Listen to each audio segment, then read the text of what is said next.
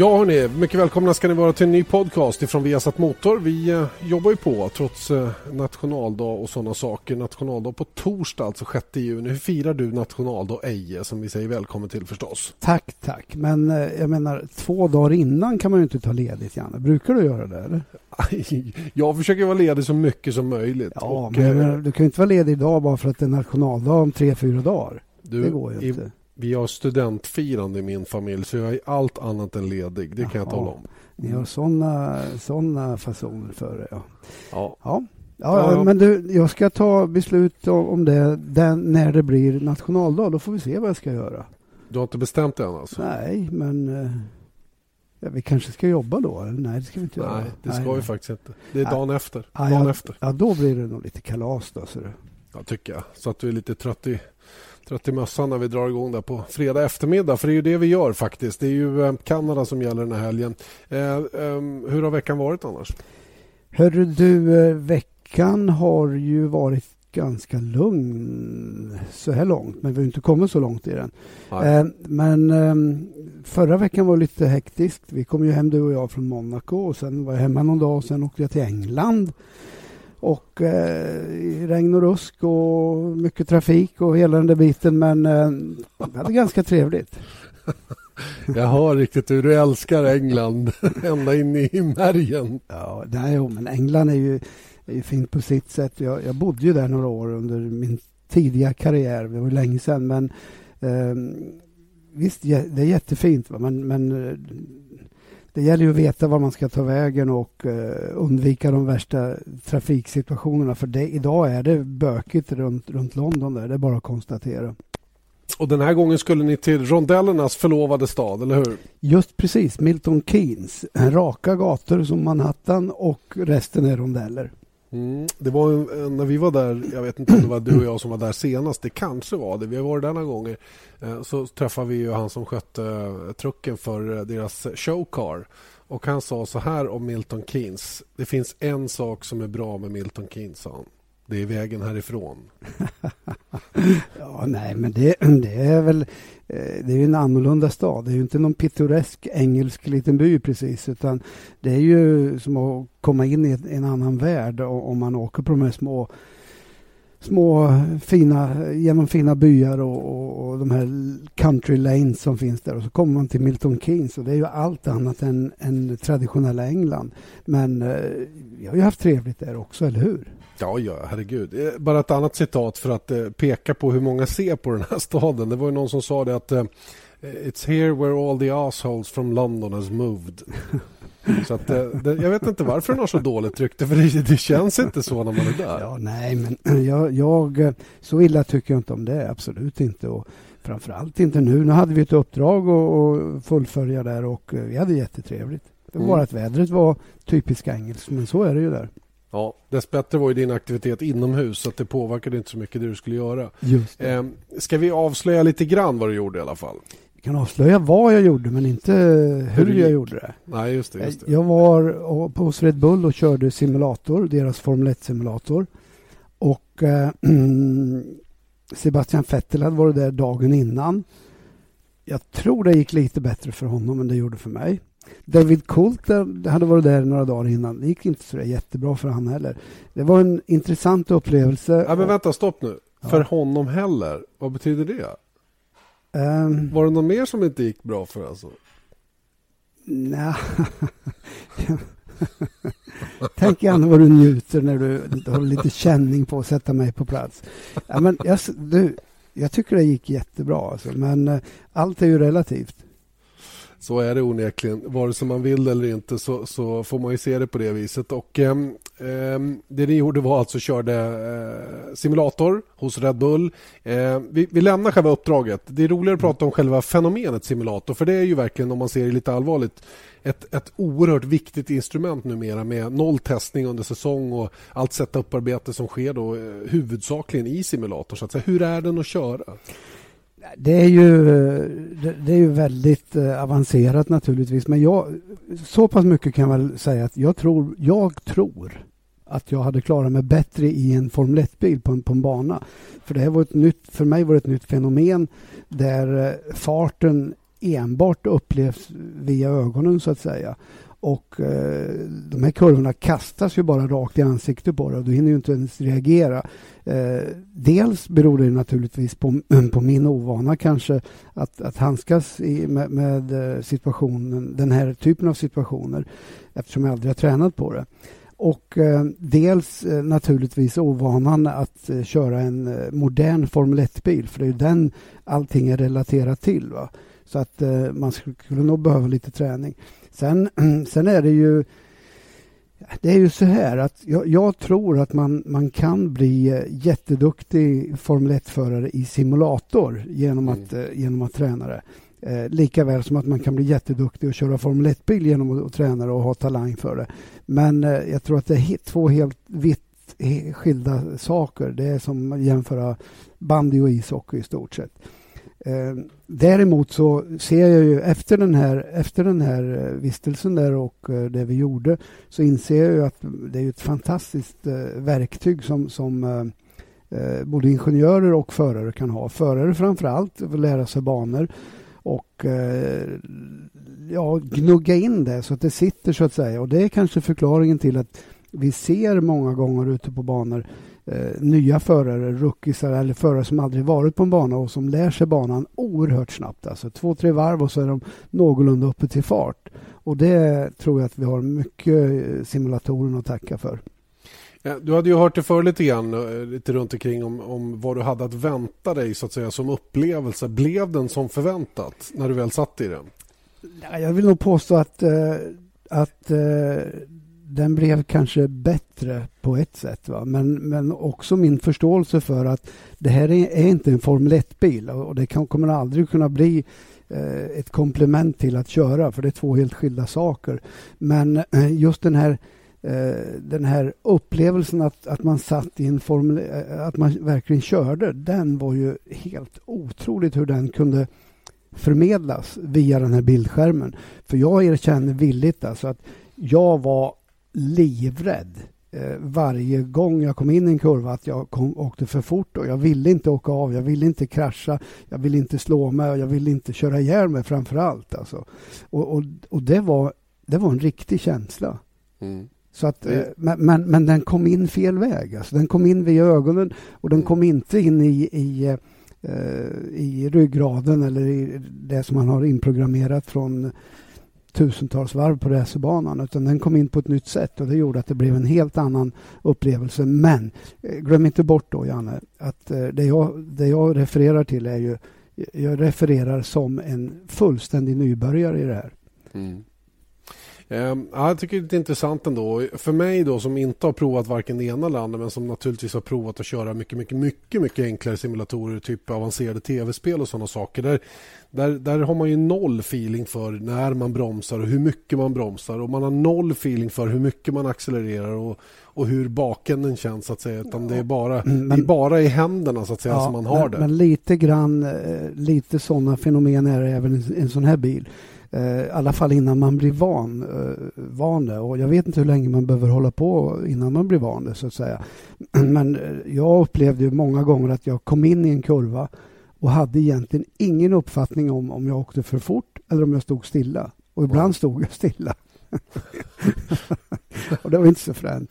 Nej, nej, det är ju i och för sig inte. Eh, men eh, okej, okay. eh, då har du i alla fall testat på de här sakerna och eh, Marcus mm. Eriksson som vi pratar ofta med, han har gjort det här många gånger nästan inför varje race åker han ner och kör simulator. Va, va, va liksom, eh, har du lite mer, du, du sa det tidigare att du har lite mer förståelse för, för verktyget som sådant. Ja absolut, alltså jag, jag eh, Speciellt med, med tanke på hur det ser ut idag i internationell racing med oerhört lite Do you love anime, gaming, movies, and discovering how your favorite pop culture affects everything you do? Then join us on Crunchyroll Presents The Anime Effect. I'm Nick Friedman. I'm Lee Alec Murray. And I'm Leah President. Every week, you can listen in while we break down the latest pop culture news and dish on what new releases we can't get enough of. Whether you love movies, I'm going to tell you all about the uh, hopeful 4K re release of Tron Legacy that happens. I'm right there with you. Or music. The music in this show yeah. is absolutely incredible. Or anime. And under this mask is another mask. You can discover your new favorites right here on The Anime Effect. Listen every Friday wherever you get your podcast and watch full video episodes on Crunchyroll or on the Crunchyroll YouTube channel. Ryan Reynolds here from Mint Mobile. With the price of just about everything going up during inflation, we thought we'd bring our prices down. So to help us, we brought in a reverse auctioneer, which is apparently a thing. Mint Mobile unlimited premium wireless. Ready to get 30, 30, bit to get 30, bit to get 20, 20, 20, bit to get 20, 20, bit to get 15, 15, 15, 15 just 15 bucks a month. So, Give it a try at mintmobile.com slash switch. $45 upfront for three months plus taxes and fees. Promo rate for new customers for limited time. Unlimited more than 40 gigabytes per month. Slows. Full terms at mintmobile.com.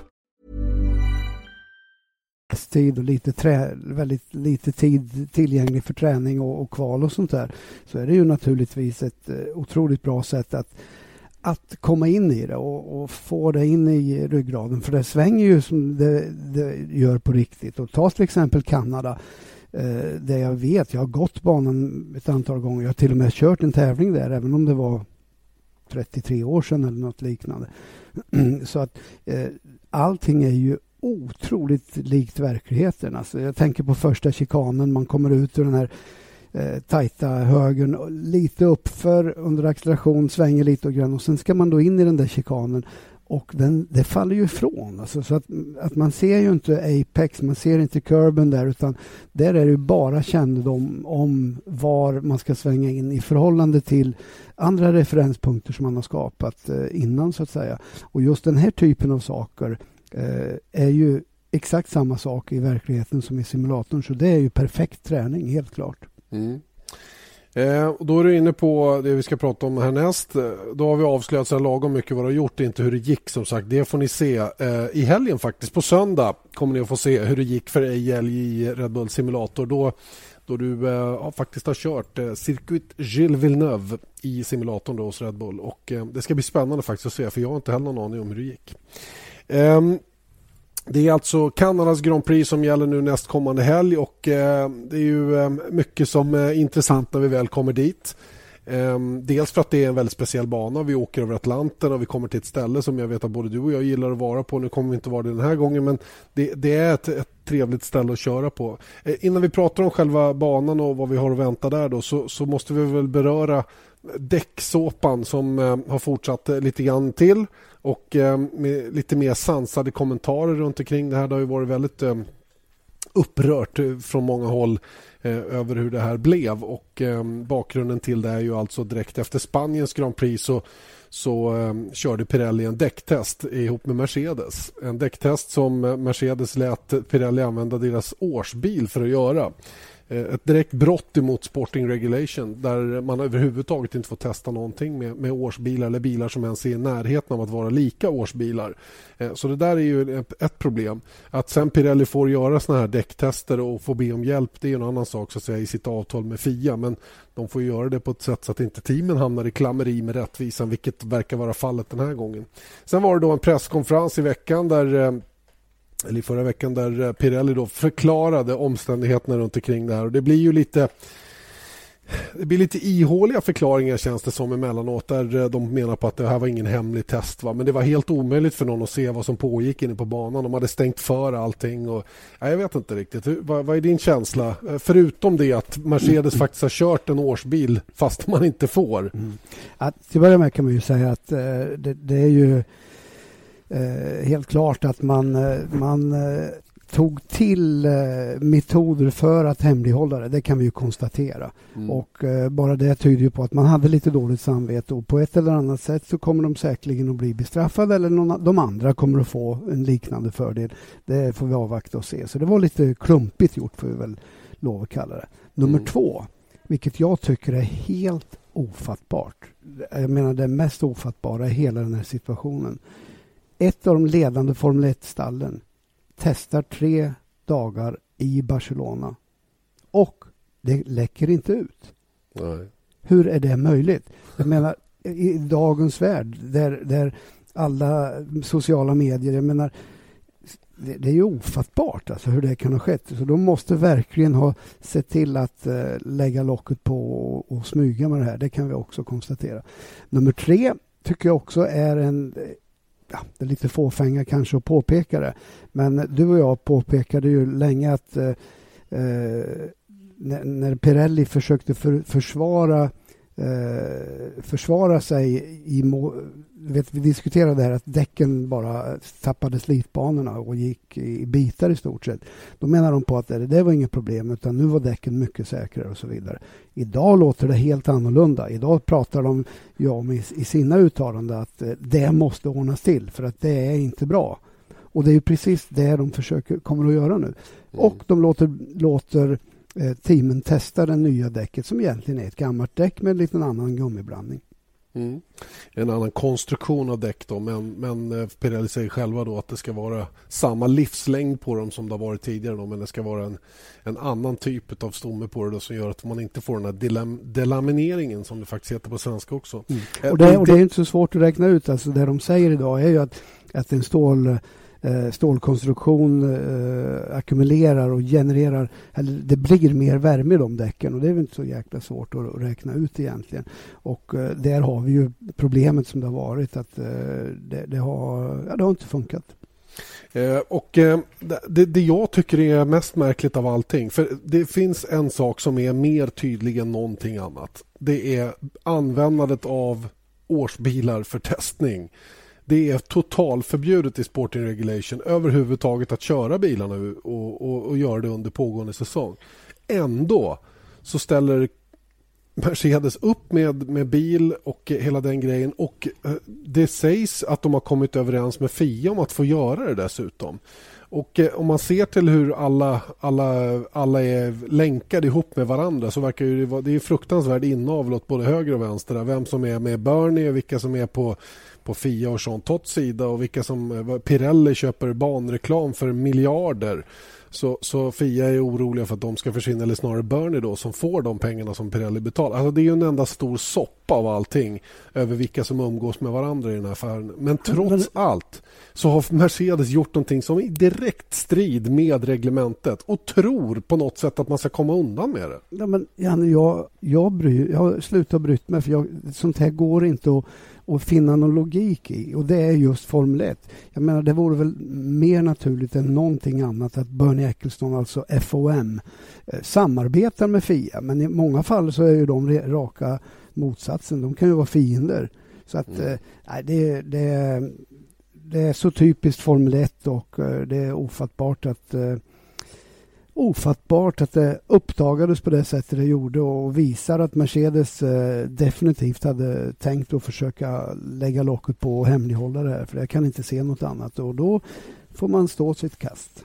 Jag, jag köper några saker i Pirellis förklaring. Att det här är en blindtest, ingen vet vad det är för däck. Det kan till och med ha varit så att man körde 2014 års däck. Hela den biten, det, det finns en logisk förklaring till och, och alltihopa det där. Eh, och att Mercedes kanske inte hade någon större nytta av den här testen rent däckmässigt. Däremot så får de ju tre unika dagar att köra sin bil och testa nya komponenter på bilen. Vilket mm. ingen annan får och hela den biten. Det, det, men, det, det är helt galet hur de trott att de ska klara det. Man behöver inte ens sträcka sig så långt. Jag, jag hör vad du säger och det är eh, en rimlig, rimlig åsikt, självklart. Men eh, man, kan, man kan nöja sig med att säga att de problemen som Pirelli hade eh, visar eller förklarar för mig till 100 procent att man var i desperat behov av att göra en test. Eh, därför man, man är alltså tvungen att, att se till att det här säkerhetsproblemet lös, löses.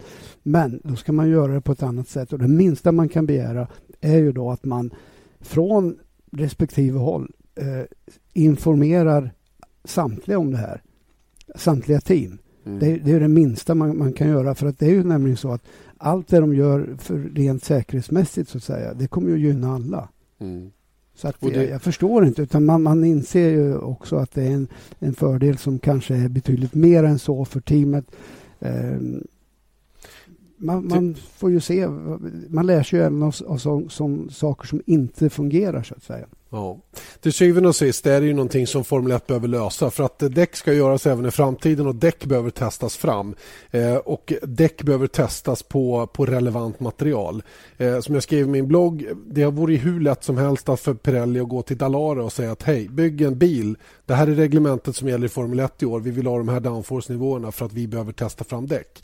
Eh, det skulle de kunna och, betala för hela den grejen. Men då skulle det bli ohållbart rent ekonomiskt och det, det går liksom inte att försvara för deras del. Så det är den, den räkningen behöver ju teamen dela på på något sätt. Eller FIA eller FOM eller vem det nu är mm. som ska betala för det. För det är det som jag ser det, det enda sättet att få en vettig utveckling på däcken och att vi får däck som faktiskt fungerar och inte går sönder och blir farliga. Vad säger du? Nej, men jag kan bara hålla med. Det är ju så det ligger till. Att, men man, eh, man målar ju in sig i ett hörn lite eh, både här och där. Och det är inte bara frågan om just den, den däcksituationen utan det är även andra saker. Och eh, man försöker att spara in pengar på, på sätt som i slutändan gör att det bara blir, det bara krånglar till och gör det svårare för alla. Så att Nej, det är många saker som kanske behöver ses över men glöm inte bort att Formel 1 har alltid varit en otroligt eh, otroligt komplicerad sport rent eh, reglementsmässigt och det kommer det fortsätta att vara. Mm. Men det här är som du säger, jag tycker faktiskt att det här, det här är ett klassiskt exempel av att måla in sig i ett hörn. Mm. Där man säger att eh, inga tester får genomföras under säsongen och inget team får leverera en bil till Pirelli för, att, för de andra teamen, så att säga. För ingen vill att eh, något annat team ska få en fördel. Och Då står man med den här situationen. Däck som eh, inte håller måttet av olika anledningar. Det kan, vara, det kan finnas tusen orsaker till det. Och så kan man inte lösa det problemet. Det är, det är helt fantastiskt egentligen. I en cirkus som gör av med vad är det, 25 miljarder om året. Ja, men det, ju, det, finns ju så många andra exempel. Man kan ju inte ens komma överens om de här Young Driver-testdatumen. Eh, jag tänker på förra året. Jag menar, det, det, är ingenting de kan komma överens om. Det är för att alla, alla är livrädda att eh, eh, någon annan eh, mm. får en större fördel än vad de, de får. Så, ja. Paranoian ja. är väl utbredd, så kan man väl säga? Va? Så är det definitivt. Mm. Okej, okay, då lämnar vi den saken. Ett team då som såg till att man inte tävlar med de här nya däcken som faktiskt ska användas från och med Kanada eh, till att börja med då i testsyfte under fredagen. Det var ju Force India. De, för dem var det här väldigt viktigt att, eh, att inte det blev några jättestora förändringar och att de får lite vetorätt innan man märker vad det här får för påverkan på deras prestation. så att säga. Då. Och Det tycker jag också var rätt rent sportsligt att inte börja tävla på däcken på en gång innan någon hade fått prova dem. Det var förståndigt. Jätte, jätteförståndigt och det är ju bara sunt bondförnuft. Något mer är det ju inte. Nej, nej, faktiskt inte. På något sätt är det så. Eh, hur ser du på deras säsong så här långt? Eh, Force India närmar sig en pallplats i alla fall enligt dem själva. 44 poäng, ligger femma i konstruktörs-VM. Eh, det, det, går bra helt enkelt. Ja, men det gör det. Och eh, framförallt i eh, Monaco så, så tyckte jag att de var grymt bra. Alltså, och, Eh, Eh, förarna gjorde en bra insats men framförallt bilen var jag imponerad av. Jag, jag såg hur lättkörd och fin den var. Det är det det handlar om på en sån där bana. Att hitta en rytm och kunna utnyttja bilen i de lägena där den är bra. Eh, mjölk, mjuk och, och följsam och eh, lätthanterlig och det är det de vinner på. De eh, är kanske det, den, det team som har minst utveckling av alla inför eh, i år jämfört med fjolåret så att säga. Och det har så här långt tycker jag slagit väldigt bra ut och eh, eh helt klart en pallplats är inom räckhåll. Mm kanske redan då kommande helg eh, i Kanada alltså. Kanadas Grand Prix. Circuit Gilles Villeneuve som ligger på den här konstgjorda ön ute i St. Lawrence-floden. Eh, den här ön som blev till när man faktiskt byggde tunnelbana. Och eh, den här ön som man då använde till ett, eh, ett världsexpo som hölls 1968 om jag vill minnas rätt. Och eh, här ute har man den här fina parken då, och banan då som, som, som många tycker om. Många gillar att komma till Kanada från förarna också. Eh, vad säger du om själva banan? Den är ju lite start-stopp-karaktär. Det är väldigt tajt mellan murarna och nu har du dessutom kört den då, även om det var i simulatorform. Ja, eh, men jag, som jag sa, jag körde den för 33 år sedan också i en Formel Atlantic-bil. Och eh, nej, jag har aldrig gillat den där banan. Dels så är den eh, den är ju ruskigt snabb och väldigt eh, trång. stadsbana höll jag på att säga. Det är inte en parkbana men det är en, den är omgärdad av eh, murar hela vägen så det är väldigt, väldigt tajt. Lite avåkningsmöjligheter. Och eh, med tanke på farterna där som, eh, som man går in i de här chikanerna och så vidare eh, gör att den är väldigt svår. Men jag har aldrig gillat den där, just den där typen av banor med som du säger stop and go. Eh, utan jag vill gärna ha lite mm, kurvor med lite belastning igenom och så vidare. Så att eh, ingen av mina favoritbanor men som event sett så är det ju ett av de klart bästa och eh, framförallt tycker jag det är så kul när det är så mycket folk alltså, som det är där, så mycket publik. Det är ju sån stämning eh, runt omkring hela, tävlingen och in i stan där det är karnevalstämning i praktiken. Så jag, jag tycker det är en toppentävling att åka på.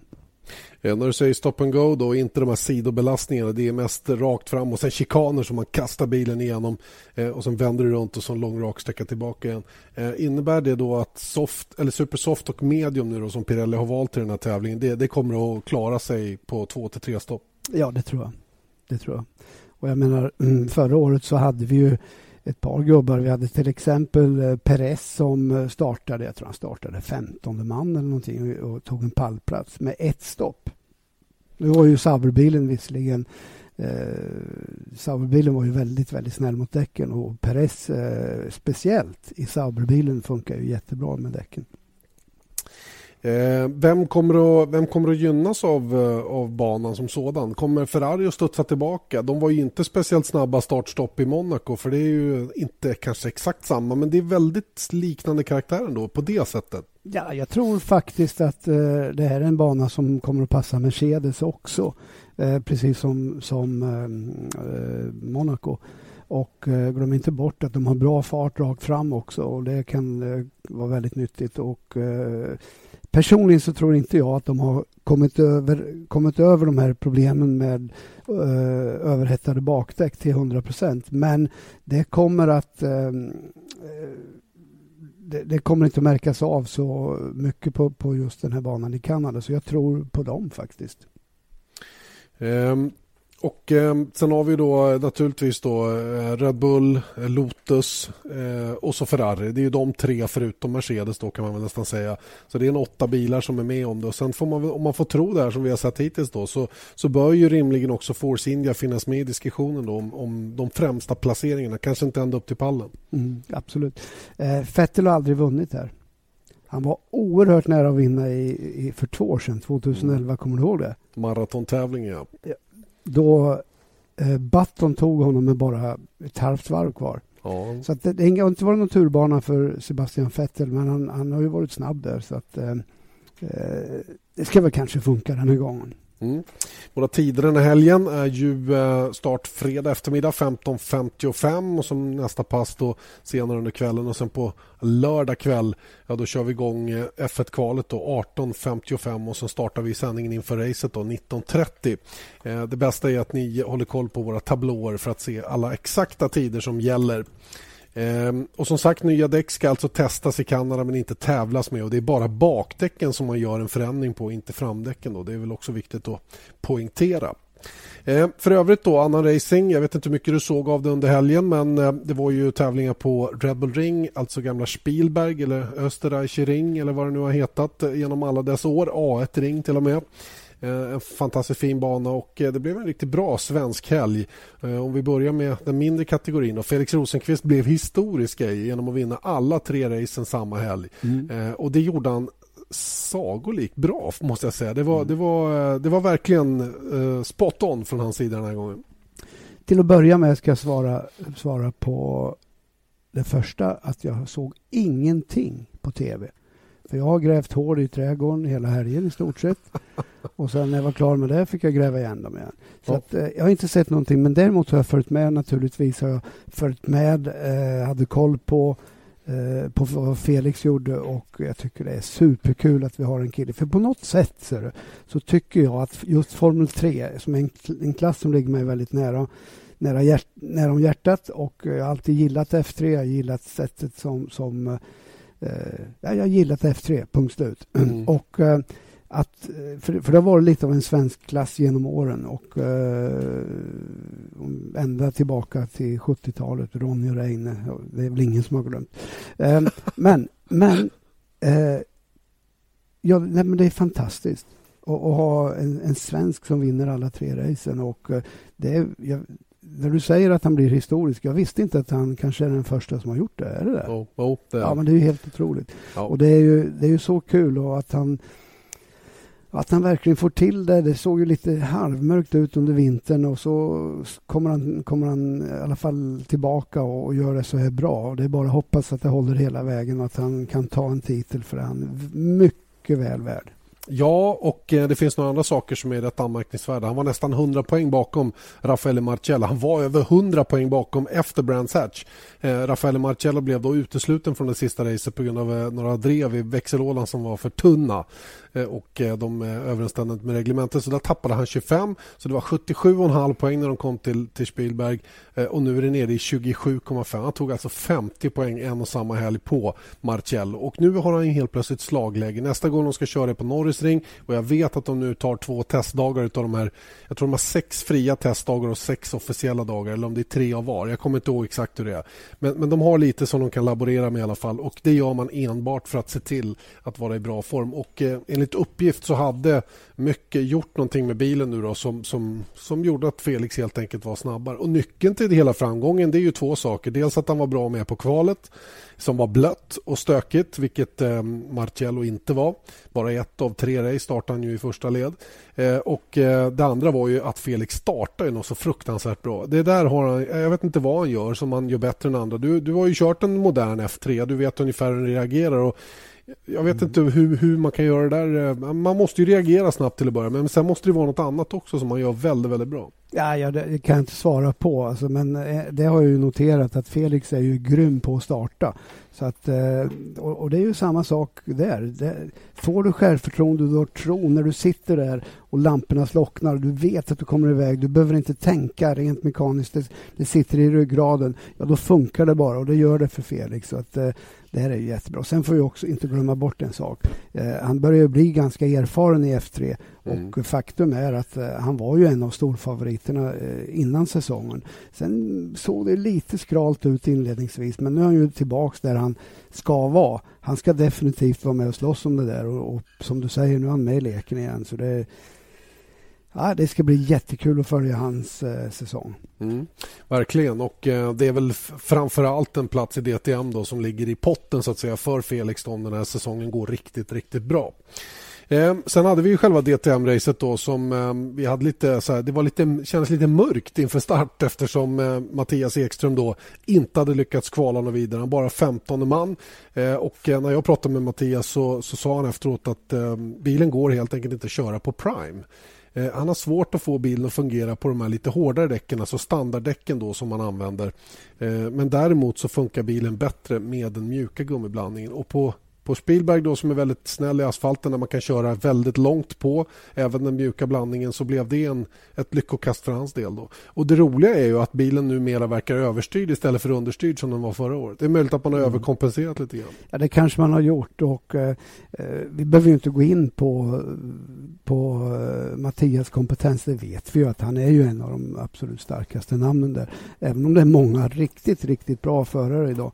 Men eh, bara konstatera att den här nya bilen sedan den introducerades så har, har eh, Audi haft lite problem att få till en bil som eh, är anpassad eh, eller som funkar till 100 procent för Mattias. Men det känns väl ändå som att hans femteplats här visar att han är på, på rätt spår i alla fall fruktansvärt bra körning måste det ha varit och eh, det var en smart taktik man valde. Tillsammans med Tambay så gjorde de sina stopp oerhört tidigt. Jag tror efter fem, eller efter, ja, fem och tio varv eller sju och tolv eller något sånt där. Det var väldigt tidigt i alla fall.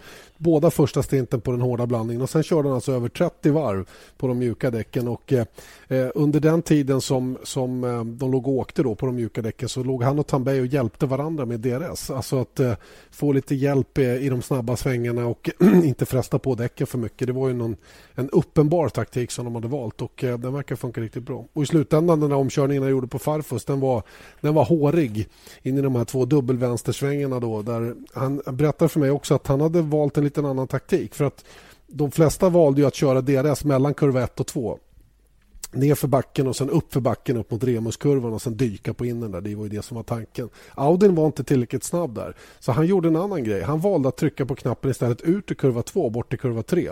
Eh, och det överraskade till att börja med Dirk Werner som han klämde sig förbi. Och det överraskade också Farfus Eh, för man kör på ettans växel in i Remus där och då blir det några bilängder när de accelererar iväg och för att täppa till den luckan så valde han att använda DRSen där. Täppte luckan fram till Farfus, gick igenom kurva 3 och sen när de vände tillbaka för att gå in i de här två snabba vänsterkurvorna, ja, då stack han in nosen på insidan där och han, han som han själv sa, jag hade inte ens ett hjul på gräset så det var marginal på innen där och dörren var inte stängd och därför så kunde han köra förbi. Och det, det, det är lite drive, eller racecraft. Men, men det är typiskt Mattias, eh, Janne. Han, eh, jag, som jag har sagt tidigare så har jag ju sett honom innan han kom till DTM och han, han var ju den här killen som gjorde de där mest oväntade grejerna så jag är inte alls överraskad. Nej, det var ett spännande race i alla fall. Jag var riktigt upprymd faktiskt efter DTM-loppet senaste. För det har varit lite så här, man har undrat när, när ska det liksom bli lite ordning och reda och riktigt bra racing. Men det var det absolut senast på, på Spielberg. Nu är det eh, om, eh, vad blir det då? Det är om 14 dagar så är det dags igen då på Lausitz ring. Och det kommer också bli ett race eh, som inte kommer att bli där man kör väldigt mycket på den hårda blandningen utan där man kan klara sig på de mjuka däcken. Och det, det kan innebära att Mattias är med och slåss om, om bättre placeringar då när vi kommer dit. Det är alltså om 14 dagar. Det. Eh, eh, också är den här helgen rallycross-EM från Finland innan vi rundar av den här podden. Rallycross-EM från Finland. Timmy Hansen vann senast, det pratade vi om förra veckan. Eh, Timmy och kompani ska nu köra i Finland alltså och det här är första gången vi sänder det live. Och Det tycker jag är lite kul att få se rallycrossen live. Det, det förtjänar den på något sätt.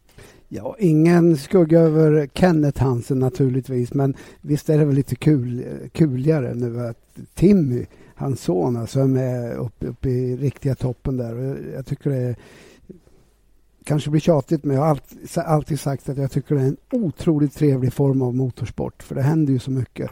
Och sen har vi då en svensk, en ung pojke som är med och kan eh, slåss om segrarna. Jag tycker att det är... Missa inte det. Nej, verkligen inte. Och vi har dessutom flera svenskar i både super, eller i 1600-klassen och i touringcar-klassen som, som ser ut att kunna vara med och slåss om titeln i de kategorierna också. Eh, vi har även Mant, Anton Marklund som tävlar i stora klassen då ligger fyra totalt. Han är, han är jämn och saknar den där riktiga toppen än så länge. Va? Men den kommer säkert kanske redan i Finland. Eh, återstår att se. Sen har ju Timmy en lillebrorsa också, Kevin, som är riktigt, riktigt vass i, i JRX, alltså Junior Rallycross, då, där man kör tror jag, trecylindriga bilar på 140 hästar och han åker någon Suzuki Swift, tror jag. Ja, du, och, det, det, det, ser ut att kunna bli den längsta karriär någonsin om vi räknar in hela familjen. Jag menar, Kenneth har väl hållit på i 30 år. Ja, jag minns. kommer, kommer Timmy som har 30 år till på sig. Och så sen, Kevin sen på Kevin, det. Ja, herregud. Ja, alltså. fantastiskt. 80 år i familje, familjekarriär. Ja, wow. helt, helt underbart. Eh, 13.00 på söndag alltså. Innan vi drar igång ifrån Montreal så ser ni rallycross-EM live ifrån Finland. Och vi har även Peter Hedström ska vi säga också i den stora klassen och Stig-Olof Walfridsson. De har väl kanske inte riktigt varit där uppe. Jag pratade med Anders Edström som sa att man började få lite ordning på setup och sådana grejer på bilen nu. Då. Så det kanske kommer för Peter också nu då. Stecka har ju lite så här blandade, blandad kompott. Lite motorproblem, någon avåkning. Ja, det är lite sådär. Han är snabb va? men det, det vill inte helt och hållet för hans del. Eh, det kommer säkert, jag är rätt övertygad om det. Innan vi avslutar också då ska vi nämna också speedway extra liga på TV10 på söndag. Jag vet att det var en del som var lite förgrymmade över att det inte var på 10 nu i söndags. Men det var kanalkrockar och vi, vi kanske inte kommunicerade det till 100 procent. Men det ska ligga på 10 och den här helgen får man två matcher dessutom. 15.55 Lesno mot Torun och sen Chestova mot Silona Gora 18.25 senare på söndag eftermiddag kväll. Alltså. Alltihopa detta på TV10. Eh, känner du att du har något att tillägga? Vill du gratulera eh, den som tar studenten eller något annat kul? Du har väl, ja. någon, fin, du har väl någon fin present där antar jag? Jaha, det har jag nog. Men den tänker jag inte avslöja i den här podcasten. Det är bra det, för då vill du åka och köpa den också. Ja. Jag tänker att du alltid sätter mig på pottkanten. Alltså. det är det som är så kul. Ja, det är halva nöjet med de här poddarna faktiskt. Ja, ja. Hur som helst, det låter kul. Vi syns ju till jag, helgen. jag sticker ut och gräver lite mer hål här ute. Jag tycker det låter som en bra idé. Jag har fasen grävt färdigt nu, det kan jag lova dig. Jag tänker inte göra ett handtag på flera veckor efter den här studentexamen. Hur som helst, eh, vi, vi syns på fredag. Det gör vi. Ha det bra så länge. Ha det. Tack, hej.